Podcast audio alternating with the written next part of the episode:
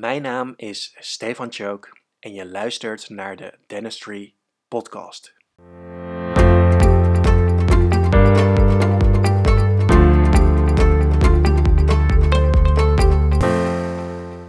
Van harte welkom bij de Dentistry Podcast. Uh, terug van weg geweest. Ja. Een aantal eh, maanden of uh, al zelfs langer dan een jaar geleden. Mhm. Maar ehm, ik zit hier zo in Zeist tegenover niemand minder dan eh, Luco van het Hoenderdaal. Iets bescheiden mag wel. Ja, ehm, inmiddels 52 uh, lentes jong. Ja. Ja. bent afgelopen zaterdag ben jij eh, wederom verjaard. Mhm. hè? Afgelopen, Klopt, klopt.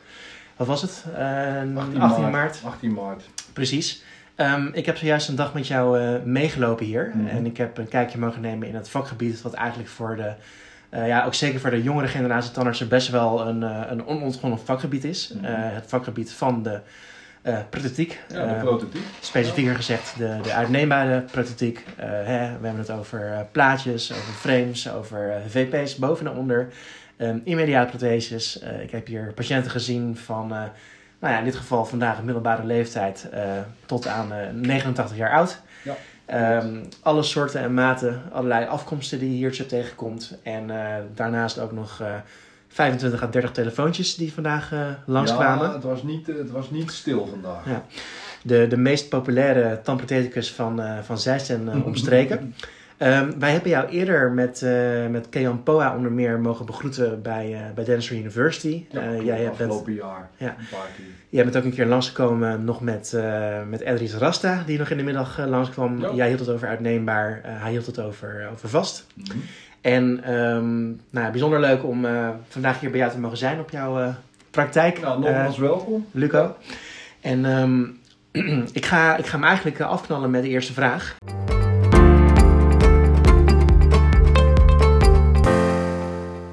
Eh, naar deze eh, intro. En dat is een vraag die ik normaal gesproken aan iedereen stel. En ik Ja. weet dat het bij jou wat eh, bijzonderder en genuanceerder ligt. Maar Hm. uit wat voor soort eh, gezin kom je? Nou, ik kom uit een eenoudergezin. En een eenoudergezin, dat wil zeggen, ik ben opgevoed door mijn moeder. En zij heeft me alleen opgevoed. En eh, als je een donker eh, jongetje alleen opvoedt in de jaren 70, dat is niet makkelijk. En eh, zeker niet een, een, een jongetje net zoals ik, die overal interesse in heeft en alles maar vastpakt en overal bij iedereen een haantje de voorste wil zijn. Ja, dan had je een, dat was een, eh, dan had ze de handen vol aan me. Ze zei wel eens van, eh, ik, eh, ik ben blij dat ik geen tien heb. Ja, Hè, want voor de kijker of de luisteraar eigenlijk die jou nog niet echt kent. Hè, en je noemt een eenoudergezin. Ik weet dat je een hele hechte band had met je moeder. Die helaas niet meer onder ons is, hè, heb ik begrepen. ja. Ehm, nou, jullie toevallig net je huis zien hier vlak bij de praktijk om de hoek. En je gaf aan, hè, daar zit net een hartje. Eh, daar zo in de struik. Ja, ja. Ja, de hartjes achtervolgen me en de vriendinnen en ze laat, ze, laat, eh, ze laat nog wel van zich merken dat ze er is. Ja. En daar ben ik heel blij mee. Ja. Ja, Want jij hebt je eigen vader. eh, jawel hoor, ja, ja. Hij is nog, ik, ik heb nog contact met hem. En, en ja, wat, wat er met, destijds met hun gebeurd is, ja, dat, daar was ik niet bij. En hij, is, hij is wel in beeld. Mhm, Ja, Kijk eens aan. ja. Ehm, jij bent ehm, ja, als tandprotheticus, althans vroeger heb je me verteld, ehm, moest je eerst tandtechnicus zijn alvorens je de studie tot tandprotheticus eh, kon volgen. klopt. Wat wilde je eigenlijk altijd later worden als je groot zou zijn? Ik heb, ik heb altijd de ambitie gehad om dierenarts te worden. En, maar dat varieerde ook naar foundersman. Dus dat, dat wisselde heel sterk. En ik wist eigenlijk pas op latere leeftijd wat ik, eh, wat ik wilde worden. En wat ik al eerder vertelde, mijn moeder die werkte eh, lang geleden bij Frans de Wijs. Hij was een van de eerste implantologen hier in Nederland. En daar, ehm, Frans junior, die zat op de opleiding voor tandtechnicus. En ik kwam dus van die middelbare school. En ja, wat, wat wilde ik worden? Ik wilde de techniek in. Maar aan de andere kant, het met de mensen omgaan en ja, het, het klinische, het praktische, dat trok me ook heel erg. Dus ik ben naar de opleiding gegaan voor tandtechnicus. En daar raakte ik met een aantal studenten in aanraking die zeiden, ja, we gaan een vervolgopleiding doen voor tandprotheticus. Daar had ik nog nooit van gehoord. En daar Mhm. Eh, toen ben ik, eh, nadat ik daarmee klaar was met de opleiding voor tandtechnicus, direct doorgegaan naar de opleiding voor tandprothedicus. Toelatingsexamen gedaan en eh, direct gestart in september, 6 september. Mhm. Ja, Waar heb jij je eh, opleidingen gevolgd? eh, nou er is maar één opleidingsinstituut, hè, dat is het IVT, dat is het In- Instituut Vakopleiding Tandtechniek. Dat zat Mhm. toen in Nieuwegein. Het heet nu de DHTA, dat zit in, in Utrecht. En vervolgens stroom je dan door naar, ehm, naar de HU. Ehm, en daar is de opleiding voor tandprothetiek. De Hogeschool Utrecht. Ja. ja. Dus in, in, in jouw tijd was er één plek waar je voor tandtechnicus Ja. kon studeren. Ja. En ook door kon studeren voor tandprotheticus. Klopt. En hoe is dat nu dan? In principe hetzelfde nog. Hetzelfde nog steeds. ja, alleen nu kan je dus instromen bij de tand, eh, tandprothetiek, bij wijze van spreken met HAVO. Je doet je toelatingsexamens en je kan daar aangenomen worden. En dan kan je meedraaien met de opleiding. Mhm. Eh, vroeger was het verplicht dat je tandtechnicus moet zijn. En nu is het zo dat je eigenlijk van al- allerlei eh, richtingen kan instromen. Als jij maar voor, aan de allerlei voorwaarden voldoet. voldoet en dan, eh, dan kan je dus eh, in opleiding komen voor tandprothedicus. Ja, en als je dus tegenwoordig nu tandtechnicus wil worden, dan moet je weer naar diezelfde opleiding in Ja. Nieuwegein. Nee, in Utrecht. Utrecht. DHTA. DHTA. Ja. Oké. Ja. Ja. En hoe lang duurt dat tegenwoordig? Ehm, ook weer een aantal jaar. Ik heb er eh, inderdaad vier, vijf jaar over gedaan. Mhm. En eh, volgens mij hebben ze het nog steeds zo dat je hem ehm, in verschillende eh, blokken kan eh, instromen en uitstappen. Dus je bent een aantal jaar in opleiding voor tandtechnicus. Juist, ja. Ehm, wat vind je zo mooi aan het vak van tandprotheticus? We hebben maar een uur, hè, denk ik, of niet? We hebben een uur Ja. ongeveer. Nou ja, goed. Nee, maar het is echt alles om. Dit vak, dit, dit past mij als een jas. En je hebt het vandaag gezien. Je ziet allerlei mensen van allerlei pluimage langskomen. En ik ben zo opge- opgevoed, iedereen is hetzelfde. Je moet iedereen met respect behandelen. Ehm, en daarom, je kan voor iedereen wat moois maken. Proberen iets passends te maken. Je zit met eh, zoveel mensen, zoveel wensen. Je, kan, je hebt de medische hoek. Dus wij zijn opgeleid als tandprotheticus in die eerste lijns zorg. Dus ehm, je zit met een patiënt met anamnese. Je zit met medicatie. Je zit met een patiënt met bepaald ziektebeeld. En dat, daar gaan wij als tandprotheticus ook op in. Wij gaan kijken van wat is nou de beste oplossing voor die patiënt. Want ik praat ook over patiënten. Sommigen zeggen cliënten of klanten. Maar ik ben ervan overtuigd dat op het moment dat iemand hier bij ons komt en die is 10, 20, 30, 40 jaar niet in de mond gekeken, nou dan, eh, dan kan er van alles groeien natuurlijk. Dus wij proberen zo, zo klinisch mogelijk daar ook naar te kijken. Daar zijn we ook inderdaad voor opgeleid. Er wordt wel eens gezegd hè, dat eh, de, de VP, de volledige prothese, dat is de basis van je tandheelkunde. Ja. Ook als tandarts. En hoe, hoe moet je dat zien? Kan je ons dat uitleggen? Kan je dat de luisteraar... eh, Nou, Uitleggen. De, de, de VP, de, je hebt dus de mond, de poorten-entree, daar komt alles binnen. Dus je zit met een stukje fonetiek, hè? de patiënt moet goed kunnen praten. Je zit met een stukje esthetiek, de patiënt moet er goed uit kunnen zien, die moet zich waardig voelen. En niet dat, dat gevoel krijgen van ik loop met een gebitje waarom ik, eh, een ziekenfondsgebitje, maar er moet een volwaardige prothese gemaakt worden waar ook de patiënt zelf invloed op heeft als wij dat maken. Ehm, ik had het laatst met een verpleegkundige over. Ik zeg ja, die prothese, iemand moet goed kunnen eten, iemand moet goed kunnen malen. En er wordt van alles gezegd en de patiënt moet, de cliënt of de, de, de, de bewoner in de, de zorginstelling, eh, die moet van alle kanten geholpen worden. Er moet van allerlei eiwitshakes in en iedereen moet allerlei vitaminepreparaten hebben. Maar niemand kijkt echt van hoe zit het nou met het goed kunnen vermalen. Het goed kunnen eten, want daar begint het mee. En ook de, de hygiëne. Hè, als een prothese vies is, ja, wij gaan daarop in en zorgen ook voor een goed hygiëneprotocol. En wijzen de patiënt ook op van joh, hoe maak je je prothese nou schoon? Kijk, een schone prothese betekent ook minder bacteriën, minder eh, aanslag, waardoor het hele spul schoner blijft. En ook om de zoveel jaar vervangen. En ook die reline En zo zorgen voor het hele pakket. En dat is belangrijk. Mhm, Ja. Dus hè, we hebben het nu ook over een groot stuk eh, in, in, vanuit functioneel eh, eh, perspectief. Ja. En als je zeg maar kijkt naar bij Tanners eh, als, als zijn een stelletje techneuten, dus meer het, het technische Ja. ehm, perspectief in, in combinatie met eh, rehabi- rehabilitaties die we zouden kunnen doen, Ja. herstellen van gebiedscurves en morfologieën. Mhm. Ehm, waarom is de VP, om, om dat te begrijpen, het, het kunnen opstellen van een VP, ehm, zo belangrijk? En, en, en, en Het is, daar begin je. ja, we hadden het er vandaag over, hè, occlusieherstel. Ehm, op het moment dat er bijvoorbeeld een prothese te laag is en je begint gelijk de prothese te verhogen en je gaat volgens de norm en volgens de boekjes occlusieherstel doen, nou, dan kan je wel eens eh, voor eh, eh, jezelf in de voet schieten. Dus stap voor stap, occlusieherstel is ook eigenlijk de rode draad bij de VP. Dus ehm, de hele spiertonus speelt mee, occlusieherstel. En je kijkt ook inderdaad van hoe oud is die patiënt? Wat voor koukracht heeft die patiënt? De laatste mevrouw die we net behandeld hebben, ja, dan ga ik geen eh, knobbelige curve inbouwen. Dus die hou ik de, de kiezen wat vlakker. Ik hou de curve wat minder stijl.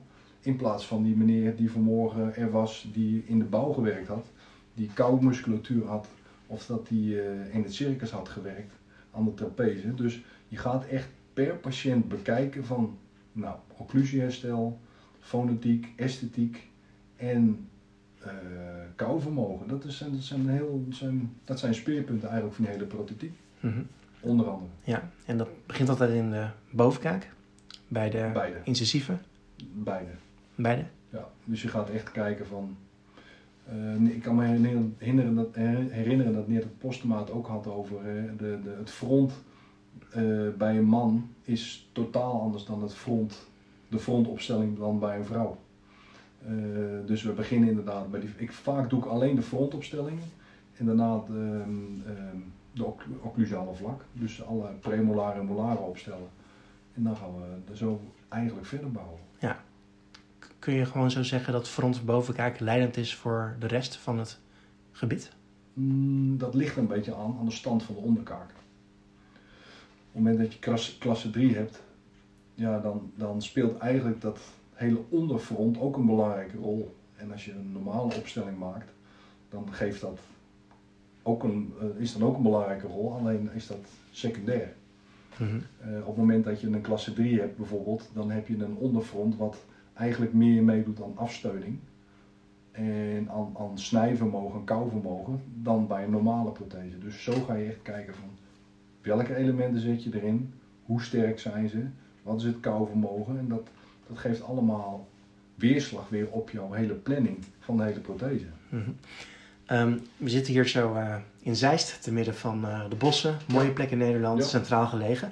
Eh, hoe ben jij hier zo terechtgekomen, ook op deze plek met eh, deze praktijk en zelfs inmiddels hier op zolder, een echte eigen cursusruimte? Ja, nee, ja, geboren en getogen in Zeist. Altijd hier gebleven.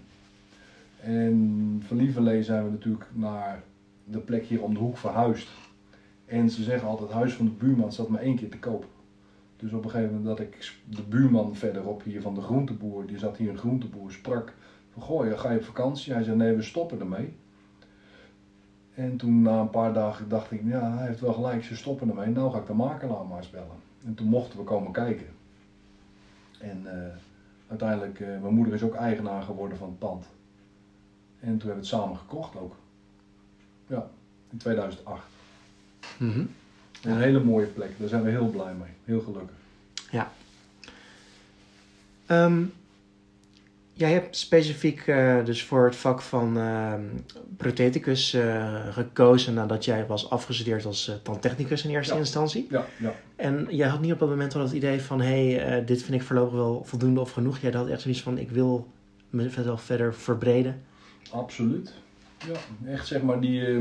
het was voor mij niet alleen de tandtechniek, want het maken van de prothese is natuurlijk heel erg leuk. Maar je hebt die patiënt er niet bij. En zeg maar dat stukje human interest, dat vind ik heel erg belangrijk. En dat kon ik doen met de opleiding tandprothetiek. Dus alle elementen heb ik. Dus eh, de, de patiënt erbij, maar ook de lastige patiënt. En de patiënt in dit geval, kijk, je groeit daarin. Ik heb hier ook de, de patiënten met een handvat, de mensen met begeleiding, de mensen met een verstandelijke beperking, mensen met, met angst. Ik heb heel veel angstpatiënten, die worden dan doorgestuurd. Ehm, dus ik, ik, kan, ik kan voor iedereen proberen wat moois te maken. Wat is ehm, de casus tot nu toe in je rijke carrière die jou tot nu toe het meest is bijgebleven? Het zijn er een aantal. Het zijn er een aantal.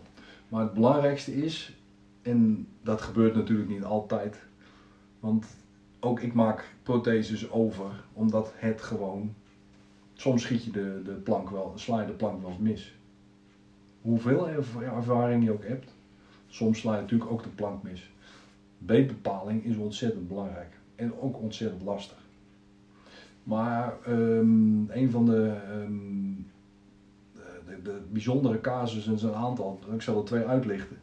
Dat was van een meneer die had uh, eigenlijk bijna niks meer in zijn mond, behalve zijn twee voortanden, dat zijn twee uh, front, frontelementen.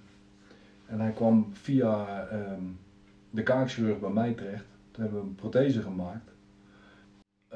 wat ik me nog kan herinneren van die man, hij kwam via de kaakchirurg bij mij terecht. Het enige wat hij dus had waren die twee front, frontelementen. En hij vertelde me dat na het plaatsen van de prothese wilde er geen spiegel hebben bij de kaakchirurg. Want de kaakchirurg zegt, assistent, kijk maar. En hij wilde geen, geen spiegel hebben. En hij was zo bang dat hij zijn gezicht zou verliezen. Dus toen kwam hij in zijn auto en het eerste wat hij keek uh, in zijn spiegel van de auto en toen keek hij, toen brak hij en toen begon hij spontaan te huilen, want hij had zijn eigen gezicht weer terug. Ehm, die twee voortanden die hij nog had, hoe slecht eromheen, eh, de, de rest eromheen ook was, die rest van zijn uh, restentitie. Hij had het gevoel van, als ik mijn voortanden mis, dan heb ik pas geen tanden meer. Dus hij heeft jarenlang met stompjes en wortelresten gelopen en afgebroken elementen. En uiteindelijk is alles verwijderd. Twee voortanden die zijn ook verwijderd. En toen op, exact op diezelfde plek heb ik die prothese gemaakt.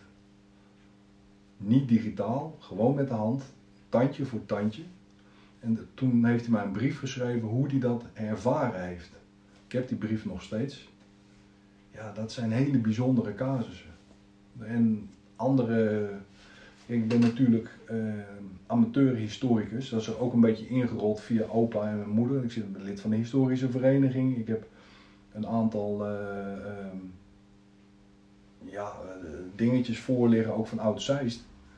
En op het moment dat er een patiënt komt en die heeft Alzheimer, ja, dan probeer ik terug te vissen in het gesprek, als het gesprek bijvoorbeeld niet loopt communicatief, en dan pak ik er soms dingetjes bij vanuit een verzameling van het oude Zeist.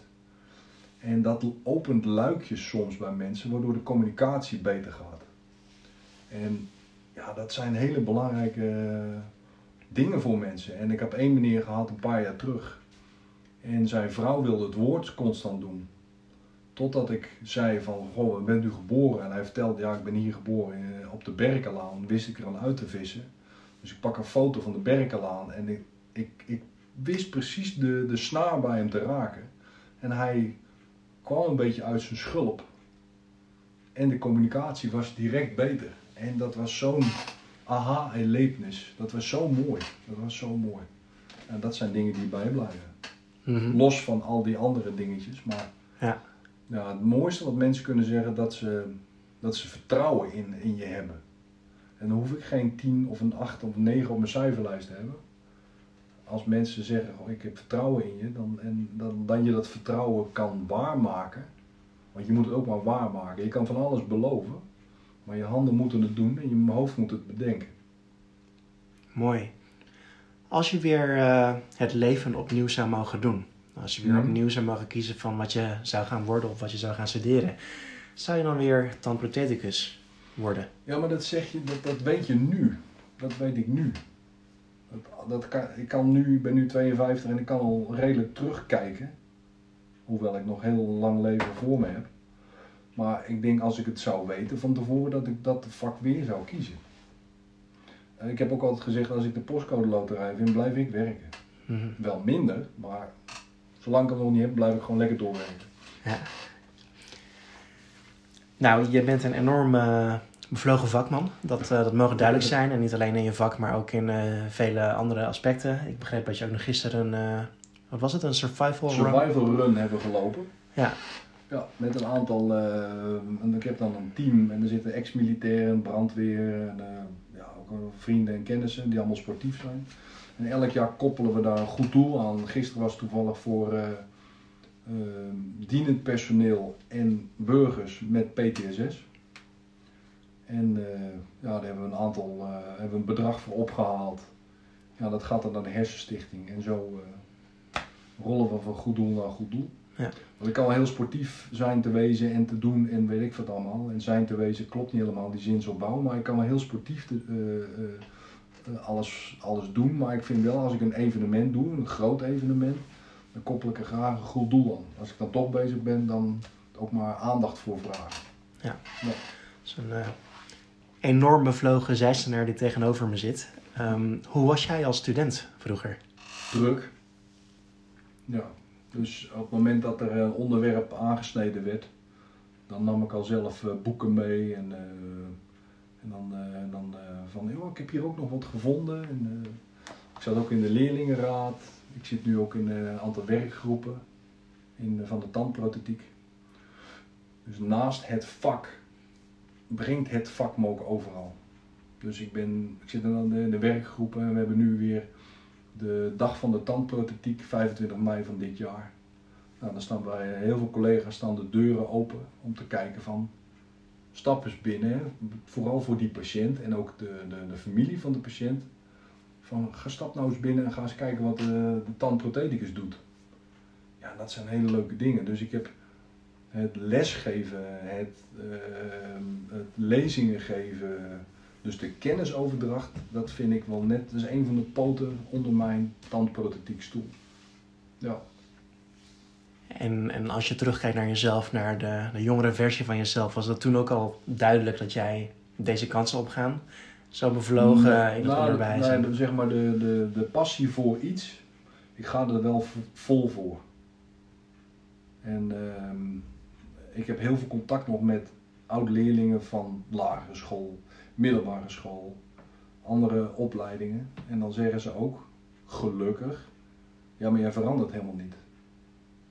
Ik ben eh, vrij direct. En ehm, als ik het ergens niet mee eens ben, ben, dan zal ik dat ook wel op een subtiele of op een normale manier proberen te zeggen.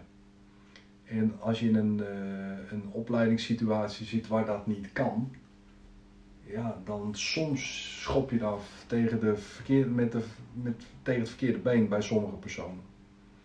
Ja, dat, dat heeft me wel eens eh, een stapje teruggezet. Maar dat maakt, de bevlogenheid werd daardoor niet minder. Misschien nog wel feller. Mhm, ja. Ik heb ook hier een kijkje mogen nemen in, eh, zoals je het zelf noemt, je, je man cave. Ehm, ik weet dat jij eh, kan zingen, want jij hebt Ja. ook een eigen eh, cd met een aantal nummers. Waaronder één eh, hè, ter, ter ere van je moeder. Onder andere een liedje voor, we hebben een liedje voor geschreven samen met Maarten Peters en Margriet Eshuis. Hè, dus je bent eh, onder meer a- amateurhistoricus. eh, je bent ja, enorm vervent verzamelaar van dingen. Ehm, Ja, nou alleen voor op het gebied van de historie van Oud-Zeist. Dus ik ben geen hoorder, geen verzamelaar. Ja, oké. Maar Ehm, nou goed, in ieder geval het bruggetje wat ik hiermee wilde schetsen was... ehm, ja, dat zijn al ongeveer de dingen die ik van jou weet wat je doet in je vrije tijd, Mhm. naast je werk.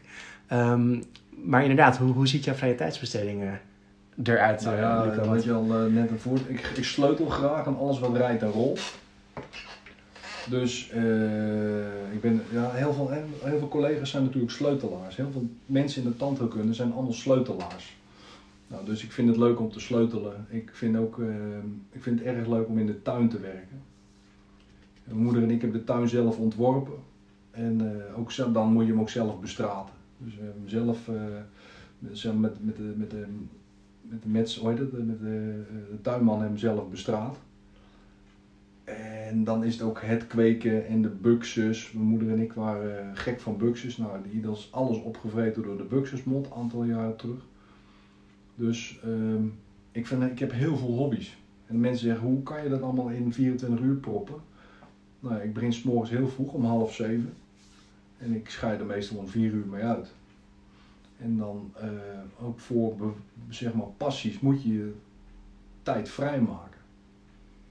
Dus heel veel mensen die, uh, die vergeten soms om dingen te doen waar ze later. Ik, ik, ik zal een voorbeeld geven. Mijn moeder en ik zeiden dat later is nu.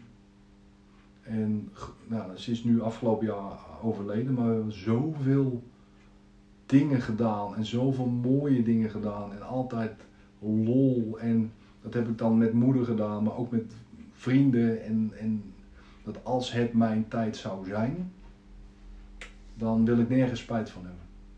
Dus ik probeer echt, en dat probeer ik ook aan iedereen over te dragen, echt zoveel uit het leven te halen. Zonder drank, zonder drugs, zonder een ander daarmee te krenken, maar altijd altijd avontuur, altijd lol. En ja, dat geeft, dat geeft zoveel passie, waardoor je, je geest altijd geprikkeld blijft. En dat is zo leuk. Dat is zo leuk. Je moet echt live life to the max en haal alles 110% eruit. Alles wat je doet en ook al word je teruggeknikkerd, zorg altijd dat je uh, als een pitbull ergens je, jezelf in vastbijt. En ik ben natuurlijk een jochie wat, wat nooit de beste van de klas was. Maar ik had altijd wel die bevlogenheid om altijd om door te gaan. Gaan, gaan, gaan. En ergens in vastklampen en het ook proberen af te maken. Dat is belangrijk. Gewoon proberen dingen af te maken. En dan wordt het maar een zesje. Kijk, op het moment dat iemand zegt, je hebt zoiets moois voor me gemaakt, nou, dan, dan, dan is dat een acht in je hoofd. Ja. Persoon met uh, zoveel interesses en uh, ook zoveel energie. Uh, ik denk wel dat we dat mogen zeggen. Um, waar word jij nou echt blij en gelukkig van? Nou, dat is heel simpel, hele simpele dingen. Het zit hem echt in de simpelheid van het leven.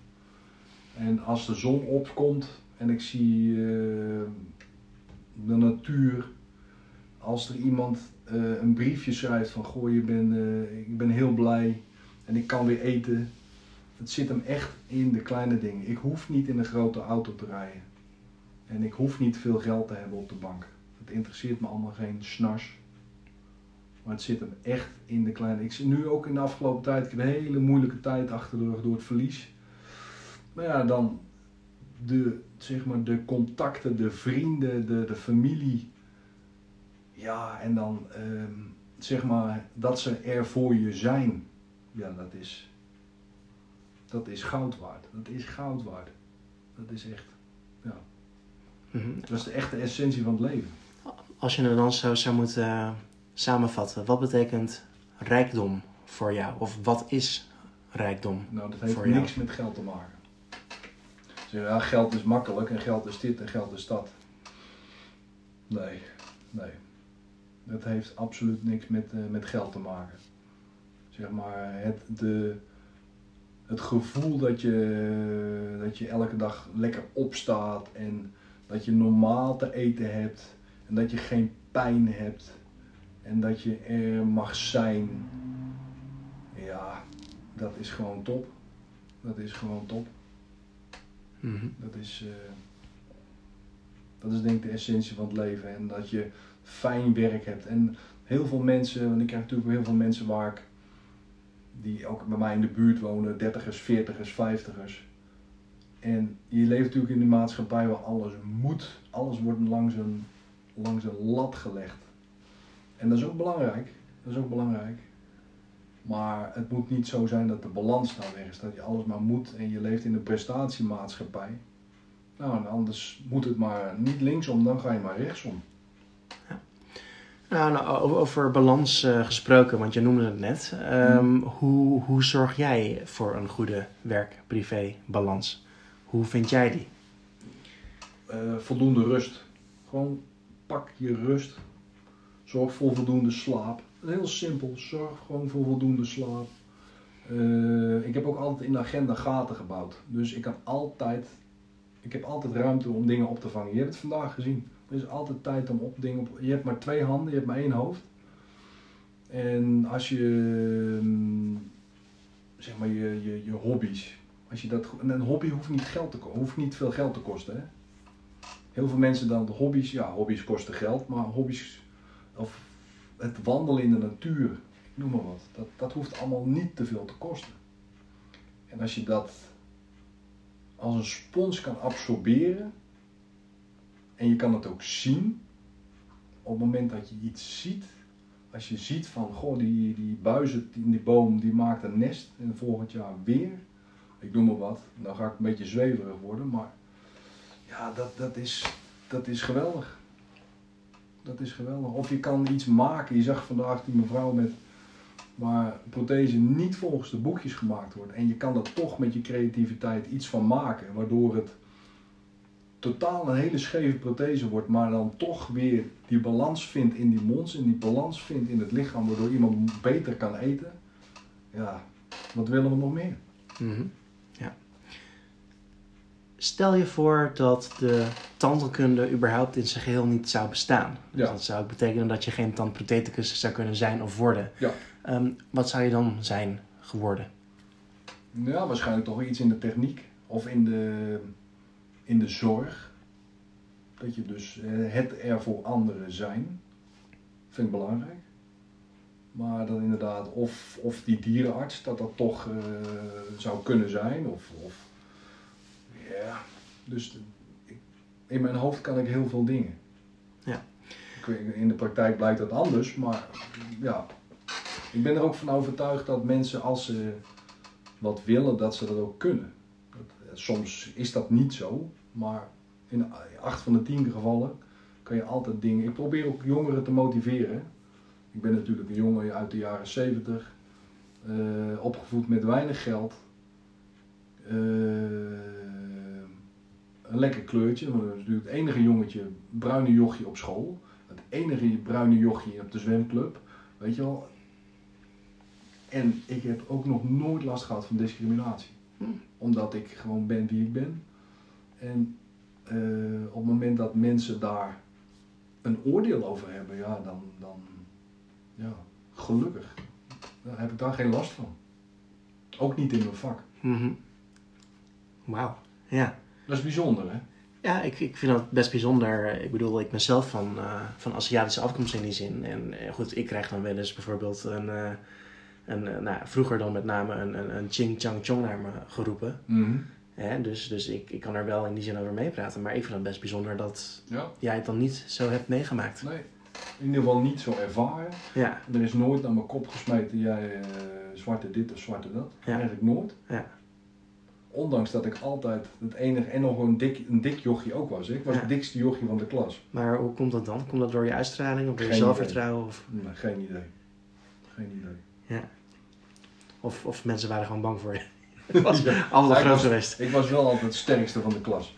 Maar ja, dat maakt, dat maakt. Kijk, wat ik al zei, we, we hebben nu, ik heb nu pas weer een reunie gehad van de lagere school. En dan heeft iedereen is zijn, zijn eigen weg gegaan. En iedereen is van alles geworden. En op het moment dat we hier bij elkaar zijn, dan is het gevoel van destijds binnen vijf minuten terug.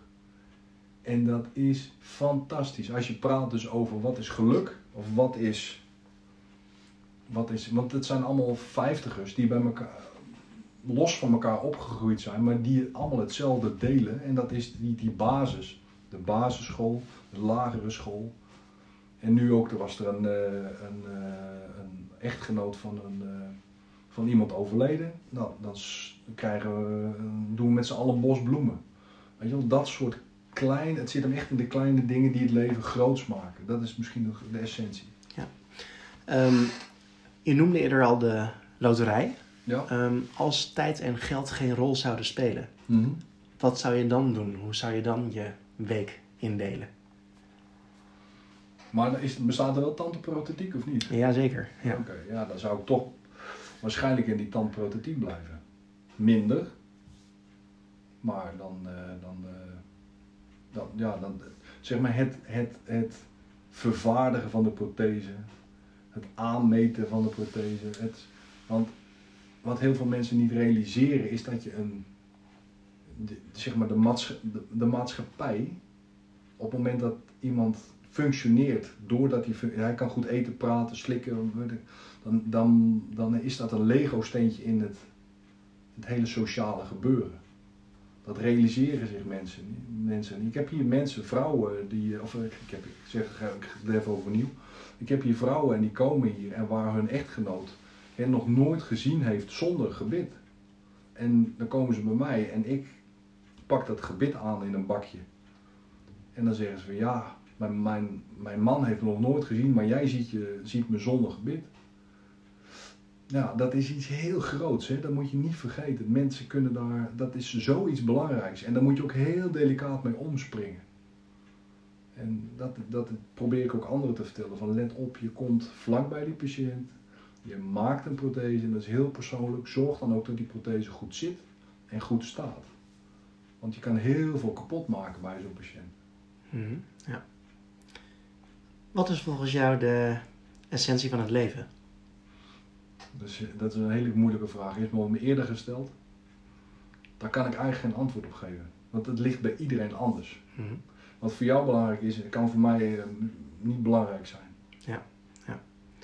En, en, en, en, en als je dan kijkt naar, naar, naar jezelf, waar draait eh, volgens jou een, een, een goed en fijn leven om? Hè, wat, wat is het geheim daarvan? Ja, eh, zeg maar het leuke, de, de, de balans vinden tussen werk en privé, dat is belangrijk. Ja, moeilijke vraag. Kan ik nu, misschien ik later op terugkomen. Daar kan ik geen antwoord op geven. Oké, geen probleem.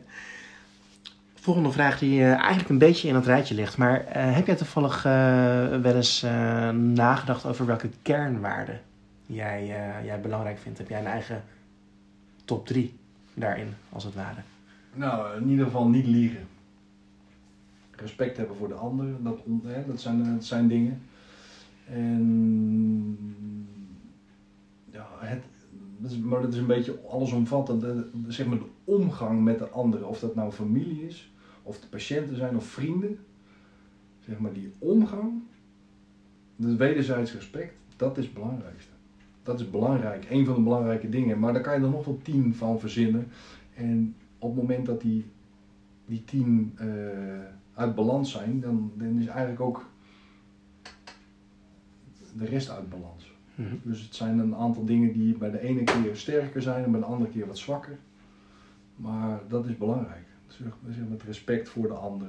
En het ander in zijn eigen waarde laten. Dat is belangrijk. Als, als er hier een patiënt komt en die zegt ik wil eh, allemaal gouden tanden hebben. Ja, dan, dan kan ik daar wel wat van vinden. Maar als die ander zich daar heel goed bij voelt en ik kan het maken, waarom zou ik dat niet doen dan? Heb je dat wel eens gedaan? Nou, ik heb wel eens een gouden tandje in een gebit gemaakt, ja. Mhm. En het gekke is, op het moment dat die prothese geplaatst wordt, wij hebben daar een oordeel over van, op, het dat kan niet, want dat, hè, dan, eh, dan, dat is weer te, nou leg het langs de lat, dat is misschien te, te, te, te, te kermis of hoe je het ook noemen wil. En het gekke was, op het moment dat die patiënt die prothese, dat je bij die patiënt de prothese plaatst, en dat past ook bij die patiënt. Ik heb wel eens patiënten gehad met diamanten erin en gouden tanden en weet ik wat ze allemaal wilden. En het gekke was, op het moment dat die patiënt de prothese geplaatst werd, het paste precies bij die mevrouw. Dus ook weer die balans, helemaal super. Helemaal te wit, maar het paste bij haar. Ja, en dat is toch heel leuk. En ze was er blij mee. Mhm. Ja. Wie zijn jouw voorbeelden in het leven en waarom? Ehm, nou, eh, kijk, ik heb natuurlijk me altijd eh, mijn balans gevonden, ook bij mijn moeder. Dat was mijn klankbord. Dat was, een, want, eh, dat was mijn maatje. En, maar daarnaast, ik heb geen, eh, geen vader. Of, ik heb wel een vader, maar ik ben niet opgegroeid met een vaderfiguur. Dus mijn moeder was moeder en vader tegelijk. En echt, echt voorbeelden in mijn leven. Ik kan niet zeggen van die of die en die en die. Maar het, het is dat je van naarmate je ouder wordt, ga je stukjes van iemand overnemen. Van hé, hey, dat is, maar dat hoort bij het leven. Dat is, dat is het ouder worden. Dus bij uh, Martin Luther King haalde ik wat uit. Bij Obama haalde ik, haalde ik wat uit. Uh, maar ook bij Rien van Waas, daar waar ik nog heel goed mee omga, haal ik er wat uit. Uh, zelfs bij Ome Willem van tv haalde ik er wat uit. Dus dat kan van alles zijn. En dat hoeft niet eens een mannenfiguur te zijn, maar dat kan ook een vrouwenfiguur zijn. en ja, dus bij iedereen is er wat. Ik ga ook geen mensen daardoor op een voetstuk zetten. Want op het moment dat je dan uh, iemand uh, als voorbeeld ziet, ja, dan heb je de neiging om als mens om diegene op een voetstuk te zetten. En dat doe ik niet. Ja. Nou ja, of, of, of noem het inspiratoren. Hè? Want waarom noem je bijvoorbeeld um, zo'n Martin Luther King of een Barack Obama of een Rien van Waas? Waarom zijn zij, ja, waar, waar, waarom noem je hun namen? Nou, ja. Wat, wat heb je van hen overgenomen? Of wat neem je mee van hen? Uh, Martin Luther King. Mijn moeder heeft mij heel vroeg wijs al gemaakt. Van hé, hey, je, hebt, je hebt een donkere huidskleur, je bent anders, maar je bent ook niet anders. En Martin Luther King, dat zijn mensen die hebben voor jou rechten gevochten. Dat inderdaad, dat ik niet het gevoel kreeg, of niet zo ervaren heb, dat er discriminatie was. Maar aan de andere kant van de plas was er wel degelijk en nog steeds discriminatie. Nou, uh, Rien van Waas ook. Ik spreek hem nog uh, zeker twee drie keer in de maand. Heeft hij ook les gegeven en ja, die is gewoon zo'n mensenmens. Gewoon een aardige kerel en een aardige vrouw. En ja, uh, qua tandheelkunde was dat natuurlijk de goeroe op het, op, de, op prothesegebied. Ja, ja, ik noemde maar even twee. En ja, zo kan ik er nog wel tien opnoemen. Ja.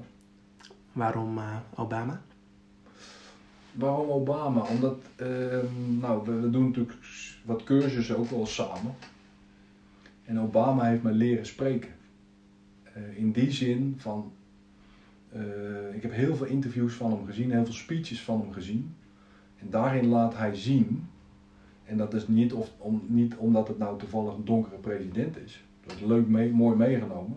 Maar als hij wat uh, speeches, daarin laat hij zien van, goh, het is niet zomaar wat hij zegt. Uh, zijn zinsopbouw klopt, de timing klopt. En, en dat noemen we twee voorbeelden. Dat maakt dat je dingen onthoudt. Dus de manier waarop je iets zegt, daar kan je mee, mee aan de slag. En dat doet hij goed. Mm-hmm. Zijn er mensen op deze wereld die je graag nog eens zou willen ontmoeten? Goeie vraag. Ehm, nou, dan gaan we toch naar Obama. Wat zou je hem vragen?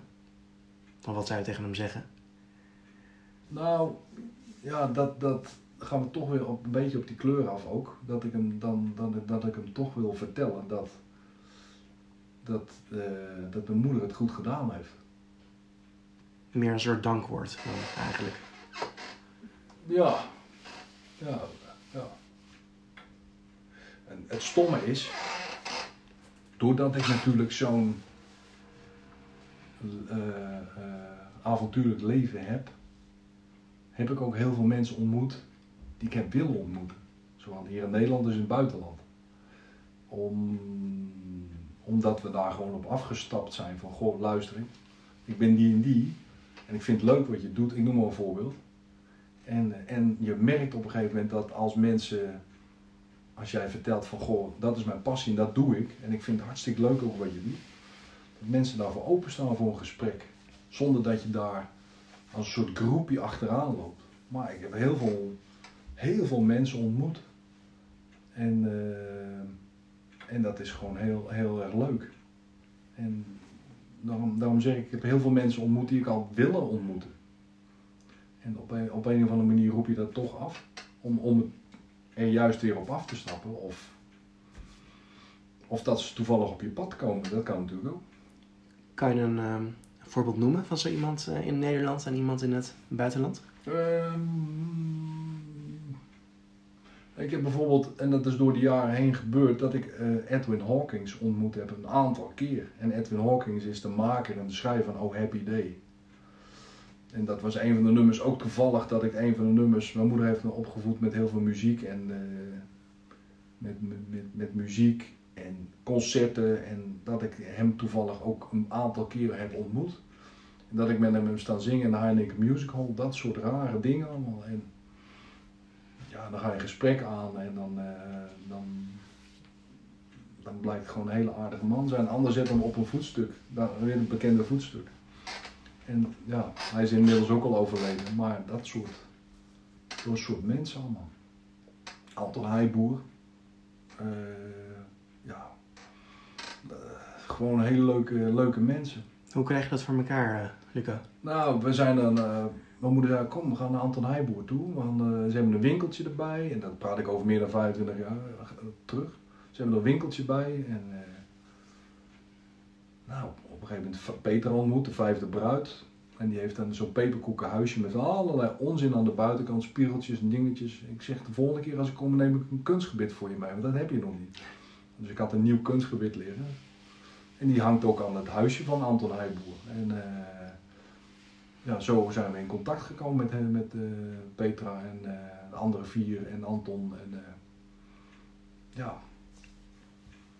Zonder dat we dan mensen met een voetstuk zetten, wat ik al zei, maar wel een leuk gesprek. En ja, dat maakt het. kijk, zonder, zonder paradijsvogels zou het leven heel saai zijn. Dus onze lieve Heer heeft die niet voor niks op aarde gezet. Heb je verder nog bepaalde ambities en dromen? Mm, we hebben het wel over bucketlist gehad, hè? Hm. Dus mensen die zeggen, nou, mijn bucketlist en er staat dit op, staat dat op. En eh, het leuke was, in mijn bucketlist was 20 jaar geleden al afgevinkt, helemaal afgevinkt. Weet je wat zo leuk is? Ik verzin er elke keer wat bij. Dus die bucketlist is vol. En dan verzin ik elke keer wat nieuws. En dan ga ik het ook doen. En eh, ja, nu ook weer, ik heb een, eh, een zus en een nichtje. En die ken ik pas een jaar of twee, drie. Want dat zijn, eh, eh, dat is een kind en een kleinkind van mijn vader. Die heb ik via een DNA-test ontmoet. Toevallig tegengekomen. En daar ben ik heel trots op. En dan, die zegt ook van, geld interesseert me niet, maar we gaan wel herinneringen maken. En dan, krijg, en dan gaan we met z'n tweeën naar het museum. En we gaan met z'n tweeën dit doen. En we gaan met z'n tweeën of z'n drieën dat doen. En dus het maken van herinneringen is misschien nog wel groot, een groter goed dan geld. Dan Ja. bijvoorbeeld een reis naar Amerika maken. Of een reis naar, weet ik veel wat, voor ver land. Dus, eh, Ja. dus ik, me- en het, het, het, het lesgeven, de kennisoverdracht, dat vind ik leuk. Daar wil ik me meer op concentreren. En, eh, Welke afkomst heeft je vader eigenlijk? Mijn vader is Amerikaan. En zijn ouders, zijn overgrootouders zijn Indianen. Lumbee, Blackfoot Indianen. En van mijn moeders kant heb ik eh, Nederlands bloed, Joods bloed. Dus ik ben een hele mengelmoes van allerlei culturen. Daarom zeg ik ook, ik ben een wereldburger. En, eh, dus ja. Stel je voor eh, dat het ooit gebeurt en je hebt opeens eh, 100 miljard euro op je bankrekening. ja. Wat, wat zou je ermee doen? weggeven. En dan ga ik niet de barmhartige Samaritaan spelen. Want eh, ik zorg dat ik mezelf, dat ik een goed leven, eh, dat ik nog meer eh, leuke dingen kan doen. En wat heb ik aan een hoop geld? Dat gaat allemaal. eh maar goed, zonder dat ik nou in één keer bedelbrieven zou krijgen. Maar 100 miljard, dat zegt me helemaal niks. Dat, dat, nee. Wanneer is voor jou je leven geslaagd? Nu al. En, en, en, en, en... Ik ben nog lang niet van plan om ermee te stoppen. Maar ik heb, ik heb een heel goed leven. En ik hoop inderdaad dat, dat het nog lang duurt. En, en, en, en waarom is jouw leven nu al geslaagd in jouw optiek? Ja. Dat ik de dingen heb kunnen doen die ik heb willen doen al. Dat ik voor de mensen heb kunnen zorgen en dat ze voor mij gezorgd hebben. Ja, dat. Hoe zou je herinnerd willen worden? Weet ik niet. Dat moet de ander maar beoordelen. Ja, dat weet ik niet. Ik, eh, ik, ik, ik trek me weinig aan wat mensen van me vinden. Ik vind het wel leuk, eerst me een, een, eh, een, een oen noemen, dat vind ik natuurlijk niet leuk. Dat vindt niemand leuk. Mhm. Maar zo, ja, ik, ik, eh, het maakt me eigenlijk niet zoveel uit als mensen wat van me vinden. Maar ik vind wel, ja, ik, ik hou van, zeg maar, de, de ik vind, ik, ruzie heb ik een hekel aan. Dus ik vind het altijd wel fijn om die balans te vinden tussen, ik hou van, eh, wat ik net al vertelde, de contacten. Dus iedereen, we houden het lekker gezellig en we gaan, zeg nu, de, de, de oude klasgenoten waar ik mee opgegroeid ben, of die in die tijd niet gezien hebben, maar we hebben allemaal dezelfde basis. Of de kinderen waar ik mee in de buurt opgegroeid ben, ja, die groeien qua tijd met je mee. Als je nu nieuwe vrienden leert kennen, is het natuurlijk hartstikke leuk ook. En dat, dat gebeurt ook. Maar die weten jouw verleden niet. Die weten niet hoe je opgegroeid bent en wat je gedaan hebt. En op het moment dat je die herinneringen samen deelt, dat is nog rijker. Dat is nog veel rijker. Dus op het moment dat je herinneringen samen deelt, dat is nog zo, dat is zo rijk. Mijn, uh, mijn, alleroudste maatje, die, uh, die ken ik vanaf mijn vierde. Daar heb nog steeds contact mee. Niet dagelijks, maar het is altijd goed. Mm welke take-home messages zou jij de luisteraars willen meegeven? Ja. Ken je Sonja Baren? Ja. Die zei altijd, uh, slaap lekker en morgen gezond weer op. Dat is het aller, aller, allerbelangrijkste. Dat is echt het allerbelangrijkste. Gezondheid, dat gun ik iedereen. Want ik weet hoe het is om uh, ziek te zijn en de, de mensen in de omgeving. En het belangrijkste is dat iedereen gewoon weer gezond opstaat. Dat klinkt heel sentimenteel. Maar op het moment dat jij een zak met geld op de bank hebt. En je voelt je niet lekker in je hoofd. Of je voelt je fysiek niet lekker dan heb je helemaal geen moer aan dat geld. Dus op het moment dat jij je lekker voelt en je staat gezond weer op, dat is het allerbelangrijkste. Ik ben even tot slot voor 14 dagen terug door de CT gescan gegaan. Hadden ze een vlek op mijn longen gevonden. Ik had bloed gespuugd. Dan denk je bij jezelf, nou, nou is het klaar. Gelukkig was het allemaal goed. En denk bij mezelf, dit was weer een eye-opener. Gezondheid is echt, echt alles. En dat gun ik een ander ook. Ja, dankjewel Luco. Um, ik heb nog wel een aantal uh, bonusvragen in die zin. Oké. Okay. Um, want je geeft aan van uh, ja, gezondheid is zo belangrijk en, en slaap goed. Alleen dat is makkelijker gezegd dan gedaan. Ja. Hoe, hoe zorg jij ervoor dat dat bij jou goed gaat? Mm, ik rook niet, ik drink niet, dus dat scheelt al. Uh, maar gewoon op je eten letten kook elke dag warm. Gewoon lekker eten. Maar dat betekent niet dat ik niet één keer in de week naar de patatzaak ga. Dus ja, gewoon, uh, ja, gewoon lekker rust. Uh, zometeen ook. Dan, dus dan ga ik lekker koken. En, ja, gewoon een beetje voor jezelf zorgen. Dat is mm. belangrijk. Ja.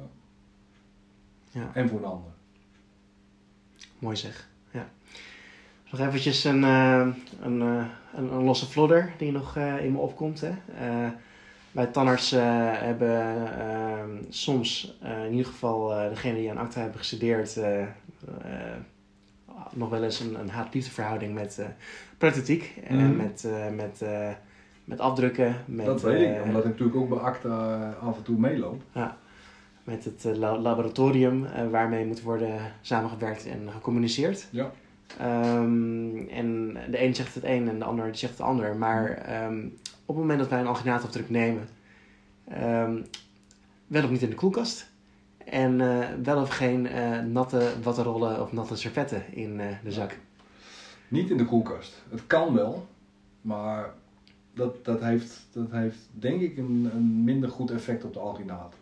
Wat je ziet is dat de huidige alginaten vooral de alginaten die uit Haarlem komen, waar ik geen reclame voor maak, maar dat de huidige generatie alginaten steeds beter wordt. En wat de key, zeg maar de rode, de rode draad is bij de alginaat, dat als je hem te nat vervoert of te nat bewaart, dat hij zich vol gaat zuigen. Dat is bij de nieuwe generatie wat minder. Dus ik zou zeggen, alginaat maken, desinfecteren, maar niet te veel natte watten, eh, nat papier. Schud, zorg dat het zakje vochtig is, zorg dat het zakje bol is, dat je hem goed vervoert. En dat is eigenlijk de key van het bewaren en vervoeren van alginaat. Dus ehm, wel of geen uh, watrollen of servet? Geen. Geen. Geen. Zorg dat je zakje voldoende vochtig is. En op het moment dat je zakje afsluitbaar is, dan is dat zo'n klein mini ja, scoopje, droompje, hoe noem je dat? Eh, een wereldje. Waardoor je uh, je alginaat goed bewaart. En als je goede alginaat hebt en je gebruikt hem niet voor een frame, dan kan je een alginaat gewoon rustig twee dagen laten liggen. Ja. Je noemde hè, Sonja Barend van uh, slaap goed en sta morgen weer, uh, weer blij slaap op. Slaap lekker en morgen, nee, morgen gezond weer Gezond weer op. Um, als je kijkt nu naar specifiek de, de jongere tanners als luisteraar, Ja. um, wat voor boodschap zou je hen willen meegeven? Wat voor advies zou je de jonge generatie tannarsen willen meegeven? Nou ja, dat, we hebben natuurlijk wat lezingen gehouden voor de jongere tandarts. En wat, wat je ziet is er gewoon op in het prothetiek onderwijs te weinig onderwezen wordt. Nou, daar probeer ik een steentje aan bij te dragen. Maar dat geldt eigenlijk voor alle collega's. Dat geldt voor de tandtechniek, dat geldt voor de tandprothetiek, dat geldt voor de tandarts. Of ze nou jong of, of oud zijn. Wat wij doen, dat hier met de groep waar ik met, met de groep tandartsen mee samenwerk, is daadwerkelijk ook samenwerken. Dus zorg dat die communicatie open blijft. Zorg dat je niet op een eiland zit, fictief. Dus ga met, ze, met een aantal in overleg. Uh, zorg dat je één aanspreekpunt hebt bij een laboratorium. Zorg dat je uh, dat als de, de, de, de techniker uh, zijn ego. Hè, sommige technicus hebben ego, maar ook sommige tandartsen hebben ego, dat dat, dat dat weg is. Zorg dat je alles open houdt. Dat de communicatie open blijft. Dat, je, dat de tandarts weet wat de techniker wil, maar ook de techniker wat de tandarts wil. En dat is heel belangrijk. Ik heb altijd besproken met de tandarts gewoon wat wil je? Hoe, hoe wil je het hebben? We weten allemaal waar een lepel aan moet voldoen. We weten allemaal waar een frame en een prothese aan moet voldoen. Maar hoe wil je het zelf? Dus dat wensenmenu van die tandarts, ja, dat kan je uit uh, naar, je, naar je. Maar ook wat ik nu uh, zelf, samen met de tandarts doe, is een cursus volgen. Dus over een bepaald onderwerp. En de tandarts bekijkt het vanuit zijn of haar oogpunt. En de techniker of tandprotheticus die bekijkt het vanuit zijn of haar oogpunt. En dan kom je veel makkelijker bij elkaar. En dat is zeg maar de essentie van, uh, van het hele verhaal. Mooi. Dankjewel, tot slot. Um, is er een vraag die ik uh, jou niet heb uh, gesteld, maar wel had moeten stellen? Mm, misschien kom ik daar later op terug, maar dat schiet me nu niet te binnen. Oké, okay, fantastisch.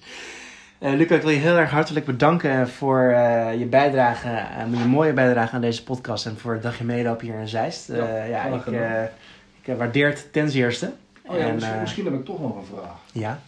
Want heel veel mensen weten het verschil niet tussen wat een tandprotheticus doet en wat een tandtechnicus doet. Weet je, ja, daar hebben we het over gehad.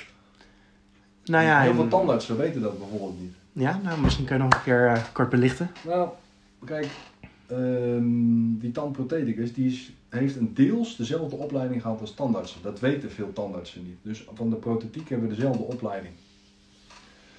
Um, je hebt het, het, het, onder de wet BIG valt natuurlijk, hè, wet, uh, of onder de wet BIG van bevoegd en bekwaamheid. Nou, de techniker, die mag in principe een prothese in elkaar sleutelen. Dus de tandarts maakt die afdrukken, de techniker maakt de beetplaten, de lepels en die maakt de prothese.